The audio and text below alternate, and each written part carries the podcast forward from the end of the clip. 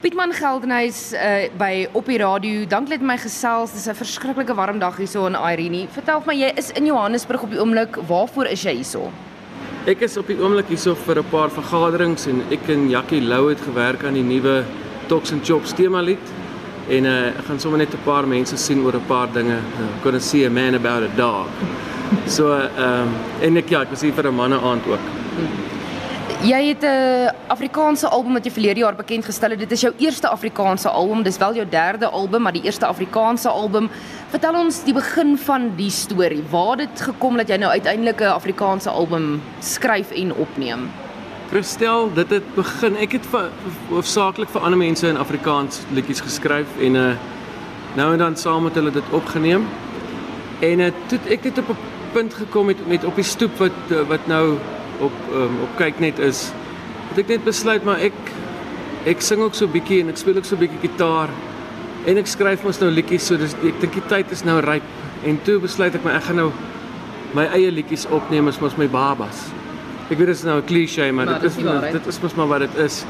En uh toe het ek net besluit ek gaan vir my tyd boek by Jurgen van Wegmar in Stellenbosch by Sunset Studios En uh, toe het ons net begin opneem en ek het uh, toe besluit die oorgangsfase of die oorgangsproses van Engels na Afrikaans 'n uh, gepaste tema vir dit sal dan nou wees van die os op die jas. En toe het ek daai liedjie geskryf nog Galuka by by uh Oliver Tambo op 'n sekere restaurant by Oliver Tambo lughawe.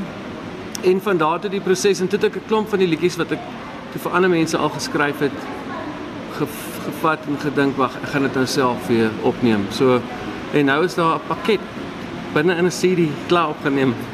was dit vir jou anders geweest om toe nou die Afrikaanse produk op te neem want die vorige twee was Engels geweest? Ek moet sê dit was nogal anders uh, veral omdat ek uh, wil amper sê my uitspraak is anders en en daar's 'n tipe emosie in jou stem wat na vore kom as jy in jou moedertong of in jou moedertaal praat en sing. En uh waar ek met die Engels het ek meer die die Celtic, Celtic, die Ierse Skotse gevoel gehad, maar in Afrikaans kan mens lekker sing soos wat dit is. En mens kan nie die die die liedjies met 'n meer humoristiese aanslag kan mens nie so verwoord in Engels soos wat jy dit in Afrikaans doen. So dit was nog 'n aanpassing, maar ek dink ons is oor die hekkie. Toe jy nou hierdie Afrikaanse album opgeneem het, wanneer jy dink aan jou Engelse aanhangers, voel jy hulle word uitgesluit met hierdie album? net die wat nie Afrikaans kan praat nie. Ek dink daar's 'n paar van hulle wat uh, ek het 'n paar vriende in Engeland en daar's 'n paar mense wat vir 'n paar uh, aanhangers ehm um, wat gesê het hulle daarna geluister, hulle verstaan dit nie, maar hulle hou nog steeds van die musiek. So ek ek dink dis maar soos soos um, Eros Ramazzotti, mens verstaan nie altyd wat hy sing nie, maar baie mense is is lief vir die musiek. So ehm um, so hopelik kan mens oor daai grense kom dat mens dat mens uh, mense hoef nie noodwendig as mense emosie kan verstaan in die musiek dan dink ek is die taal so belangrik. Universele, ja, universele. Dit ja. mens kry universal joint. Uh, maar dis 'n universele taal. Dit is ja, dis soos soos soos ehm um, Kulkins. Ja. Dis universeel. Jy sing nie net nie, jy skryf nie net nie. Jy het 'n hele klomp projekte wat jy mee besig is. Um jy het jou vinger in verskillende pastye as ek nou dit direk kan vertaal van Afrikaans af. Waar het jy die tyd gekry om na hierdie album te doen? Ek het maar net tyd gemaak. Ek ek dis grootlikste dankie aan my vrou en aan Lara van Spotted Apple wat my um, my sake vir my bestuur. Um, wat net vir my gesê het, "Right, hier is jou datum. Dit dan met die album klaar wees en uh die pre-produksie of die die, die voorafproduksie moet dan klaar wees." En ek het ek het 'n deadline gehad en sonder dit kan ek nie lekker oor die weg kom nie. Toe ek nou toe ek nou sien ek die datum kom nader, het ek nou maar net by die reëls gehou en, en by die reëls gespeel. En toe begin die, die groter faktore inkom soos ek weet die deposito is betaal vir die vir die album. So ek kan nie dit ehm um, uitstel nie. En ehm um, die mense wat die series druk is is in die die die omslag is ontwerp en alles is so dis 'n hele konveier uh, belt wat aan die gang is. En en ek dink dit as gevolg daarvan wat wat ek dit maar net tyd gemaak het. Jy, jy moet maar net want anders staan jy daar met die gebakte pere en hulle wag vir jou. Vertel vir my wat uh die Pietman die skot vandaan gekom want jy het 'n klomp persoonlik genoem dit nou persoonlikhede. Dis nou glad nie so erg nie, maar jy jy het Pieter Mitchell, jy's Pietman Geldenhuys en dan Pietman die skot en ek onthou die heel eerste keer dat ek jou as Pietman die skot gesien het was by Strap gewees in 2014. So waar waar dit vandaan gekom want ek weet jy het uh, baie tyd spandeer in Londen, maar Skotland is nou nie Londen nie.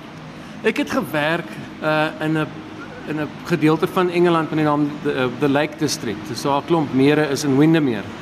En uh die ou ek het een eendag sit en gitaar speel in my kamer en toe is daar klop aan die deur en toe sê die ou vir my, "Alright, how you doing? Uh here you play guitar and that." Sê ek vir hom, "Yes, uh, sê is it fine if I bring my drum and play along?" En dis dit vir my fascinerend. Dis die een van die eerste ware skotte met wie ek te doen kry. En sy aksent het my so gefascineer. Dat ek toe later so as hy weg is, dan probeer ek soos hy praat. Dat ek hom later in sy teenwoordigheid op nagepraat altyd met of het dit eintlik goed gekeer nie, maar en toe begin ek uh, dit toets as ek as ek na die verskil kleiner dorpies toe gaan en ek gaan speel op die strate, dan gebruik ek die aksent want dan voel dit so half of jy meer inpas en die mense dink ek jy pas meer in. En ek het dit toe by baie plekke gebruik en en dis asof jy 'n tipe selfvertroue kry met 'n ander aksent wat jy nie in jouself het nie want jy kan as die die ou met die aksent 'n fout maak, dan dit eintlik jy wat dit maak. En toe toe kom ek Suid-Afrika toe en ek kom swat en ek besef toe maar om 'n paar aksente magtig te wees is amper so goed soos om tale magtig te wees want jy mense is onmiddellik gefassineer deur 'n aksent en hulle hulle wil want is iets anders, is nie deel van hulle mense nie. Mm. En dan ek, ek kon nou die eerste keer wat ek gevang is was by 'n so privaat aangeleentheid of 'n privaat funksie. En ek sê toe vir die ou and I, I, was from a place called Fife. I so I walked in and the guy said to me, "So, I where about in Fife are you from?" And I uh, eh, said, "Well, it's actually in Glenrothes." He said, "Oh, Glenrothes! I know Glenrothes. I was born there. Where about?" So you know, as you come into Glenrothes and you go the second uh, pie shop on the, is it pie shop? There's no pie shops in Glenrothes. And I said, okay, I'm from South Africa. toe, toe die ou my uitgevang moet sê vir my met asseblief van niemand sê nie want toe toe moet die die groot uh, the great reveal moet nog volg die aand. So, ja. Dis maar waar ek begin het met dit. En die storie vertel. Jy jy doen nie komedie natuurlik, jy jy sing, jy doen nie aksente baie baie goed. So waar die storie vertel en die grappies vandaan gekom. Ek kon dit van Vrydag aan van Spies en Plessis en maak 'n las maar spesifiek Spies en Plessis en ek onthou om Jan Spies ehm um, die die die magiese storieverteller en om om PG wat altyd die stil ene was maar as hy die slag storie vertel dan dan te geluister. En dan met soos om Tolla wat op Spies en Plessis was en om Nico Nel en om Pipe de Villiers en Danny Pretorius al daai mense het so groot invloed op my gehad veral met die aksente in die in die en my eie skoonpa kom Arne van Sail en my pa self het ook vir my ek het baie vryde aan en na hulle stories sit en luister. En uh ek kon nou nog Rolf Jacobs met Jakkals en Wolf en die, die slaaptyd stories. My pa was 'n 'n vragmotorbestuurder en ons het so saam gery. En ons het ook maar vir mekaar storieetjies vertel en dit dit is lekker want jy kan enigiets opmaak. Dit is nie jy hoef nie was die reëls nie. En dit is waar die gogga my gebyt het dink ek met met Spies en Plessis. Waar kom daai liefde vir die storie vertel in jou musiek skryf in? Want om 'n storie te vertel en 'n liedjie te skryf, jy kan dit dieselfde maak, maar vind jy dit dieselfde of is daar of is of verskil dit vir jou? Ek dink dit verskil grootliks ja, as jy 'n storie vertel, is dit amper asof jy jy kan nog dink wat jy moet doen om die storie te verbeter soos wat ek nou hierso probeer dink wat ek volgende gaan sê. So jy kan jy kan aanpas en jy kan Maar waar liedjie moet jy moet jy vooraf gaan dink wat wat wat is die boodskap wat jy wil uitgee of uitstuur? En wat is die storie wat jy wil wil vertel? Want mense kry net amper 4 minute as jy nou uh, volgens die reëls werk. Maar want as 'n liedjie te lank raak, ek kon nou vir Billy Idol se White Wedding daar was uh, 'n uh, plek waar ek as as nie as kind nie, amper seker as kind as as jong jong groot mens uh was 'n kroeg met 'n jukebox in en daar was omtrent net techno. En een van die liedjies wat daar op was wat, wat ek van gehou het was White Wedding van Billy Idol en hy was omtrent 12 minute lank. Wat ek altyd klomp twee rande ingegooi net op repeat gesit.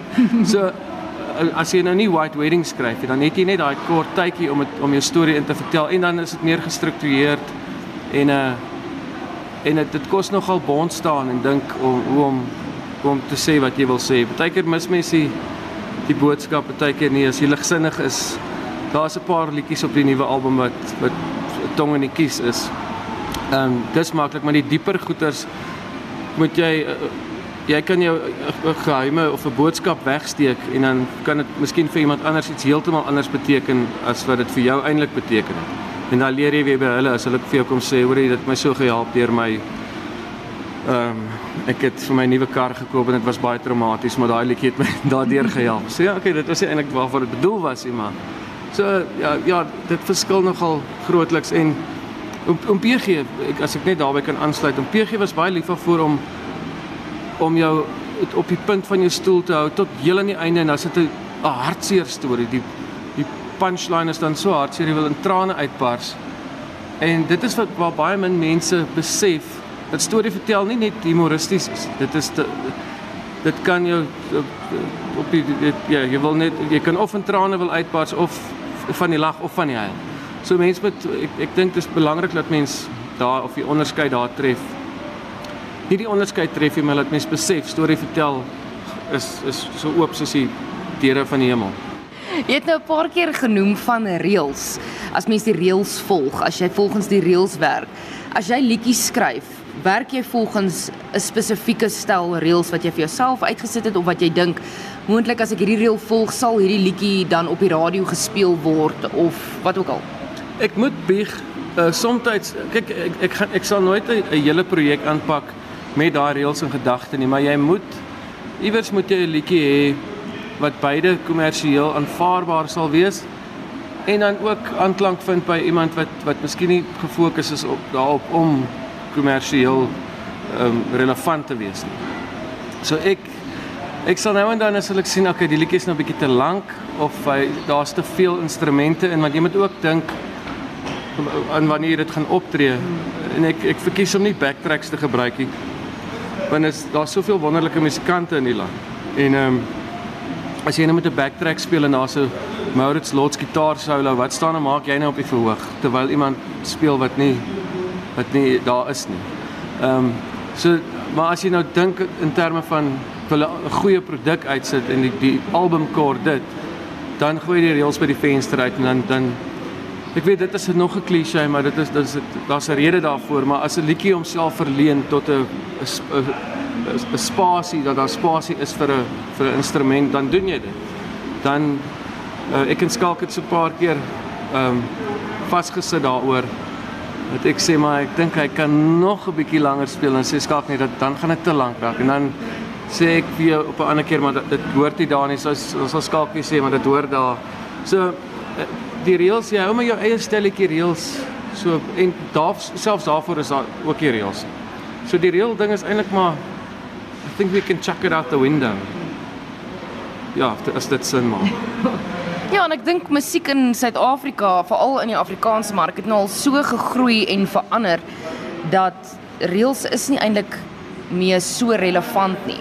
En amper as jy by die reëls bly, dan bly jy by 'n resep wat al vir jare gebruik is en wat nou eintlik sy sy sy raklewe bereik het. Ja, dis dis amper soos resepte. As jy jy baie mense bak nou die herderspastei op daai manier of 'n melktert op daai manier, maar jy kan jou eie resep probeer, maar daar is 'n rede hoekom daai resep 'n resepteboek gehaal het.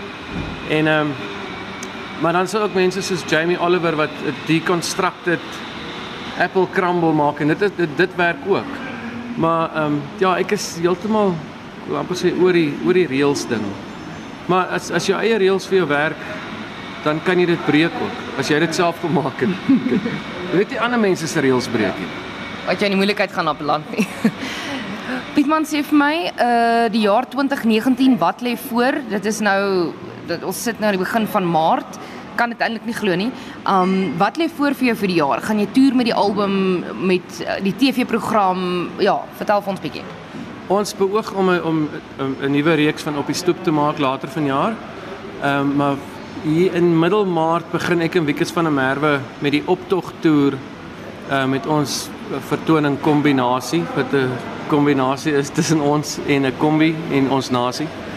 So ons gaan maar net die die draak steek met wat in ons samelewing aan die gang is. Want ek dink daar's baie baie drake te steek met wat aan die gang is veral in in die huidige politieke klimaat. Ek spreek natuurlik nooit oor politiek uit nie want dit is dit is um, ek so bang dit verander en dan uit ons nie meer uh, komedie om mee te werk of materiaal nie. En uh, dan gaan ek later vanjaar Vietnam toe uh, met met maties toere. Ek weet dit is baie warm daai tyd van die jaar in Augustus, maar dit mens moet dit doen om dit uh mens moet dit beleef. En uh, dan is ek kliphard weer aan die werk vir of vir 'n ander tweede album of tweede Afrikaanse album. Dit kom ons maar so in met stampe en stote. En ja, dan dan tree ek maar net baie op vir die vir die res van die jaar. So daar daar's klaar klomp goed. Ek begin half bewe om te weet om daaraan te dink wat nog als moet klaar kom. As ons luisteraars jou wil gaan soek op sosiale media, waar is jy? Is jy as Pietman? Is jy as Pieter Mitchell? Is jy as die Afrikaanse Skotsman, Pietman die Skot? Hang on, I've got this. Ek het dit ek moes dit gaan gaan leer. Uh jy kan gaan kyk op www.pietman.tv. Ek dink so, ek dink is dit ja, www.pietman.tv en dan al die al die skakels na my sosiale media ehm um, platforms. Toe is uh, daar's Instagram en Twitter en Facebook. Uh en dan daar kan die mense ook sien op 'n webtuiste waar ek oral optree. Alhoewel die die ehm um, meeste daarvan korporatiewe funksies is, maar maar ek ek sal dadelik beskikbaar wees uh, in 'n stadsaal naby jou in jou dorp vir vir en dit is nogal lekker met om te kan doen wat ek doen want ek het al op 'n troue, op 'n begrafnis, op 'n egskeidingspartytjie, op dit, dit die die moontlikhede is eindeloos. Ja. ja, so ek eh, julle kan maar kyk wat, wat ek als aanvang as julle my jy moet my net nie agtervolg. Ek het eendag vir ou gesê of julle moet my agtervolg op Twitter, ek het 'n bietjie verkeerd gepraat en die ou het my geagtervolg na my gastehuis toe. Sê maar jy het nou gesê ek moet dis jou agtervolg. Dis ek nee ek het dit nie so bedoel nie, maar so volg my gerus op die op Twitter en Twitter is 'n bietjie meer uitgesproke. Instagram is mos maar die fotos om om te sien wat wat ek doen as ek by die huis is en as ek op pad is. Ek moet ook nog 'n foto van dit neem. Wat ons nou mee besig is. Ja. Ek hoop julle luister nog lekker.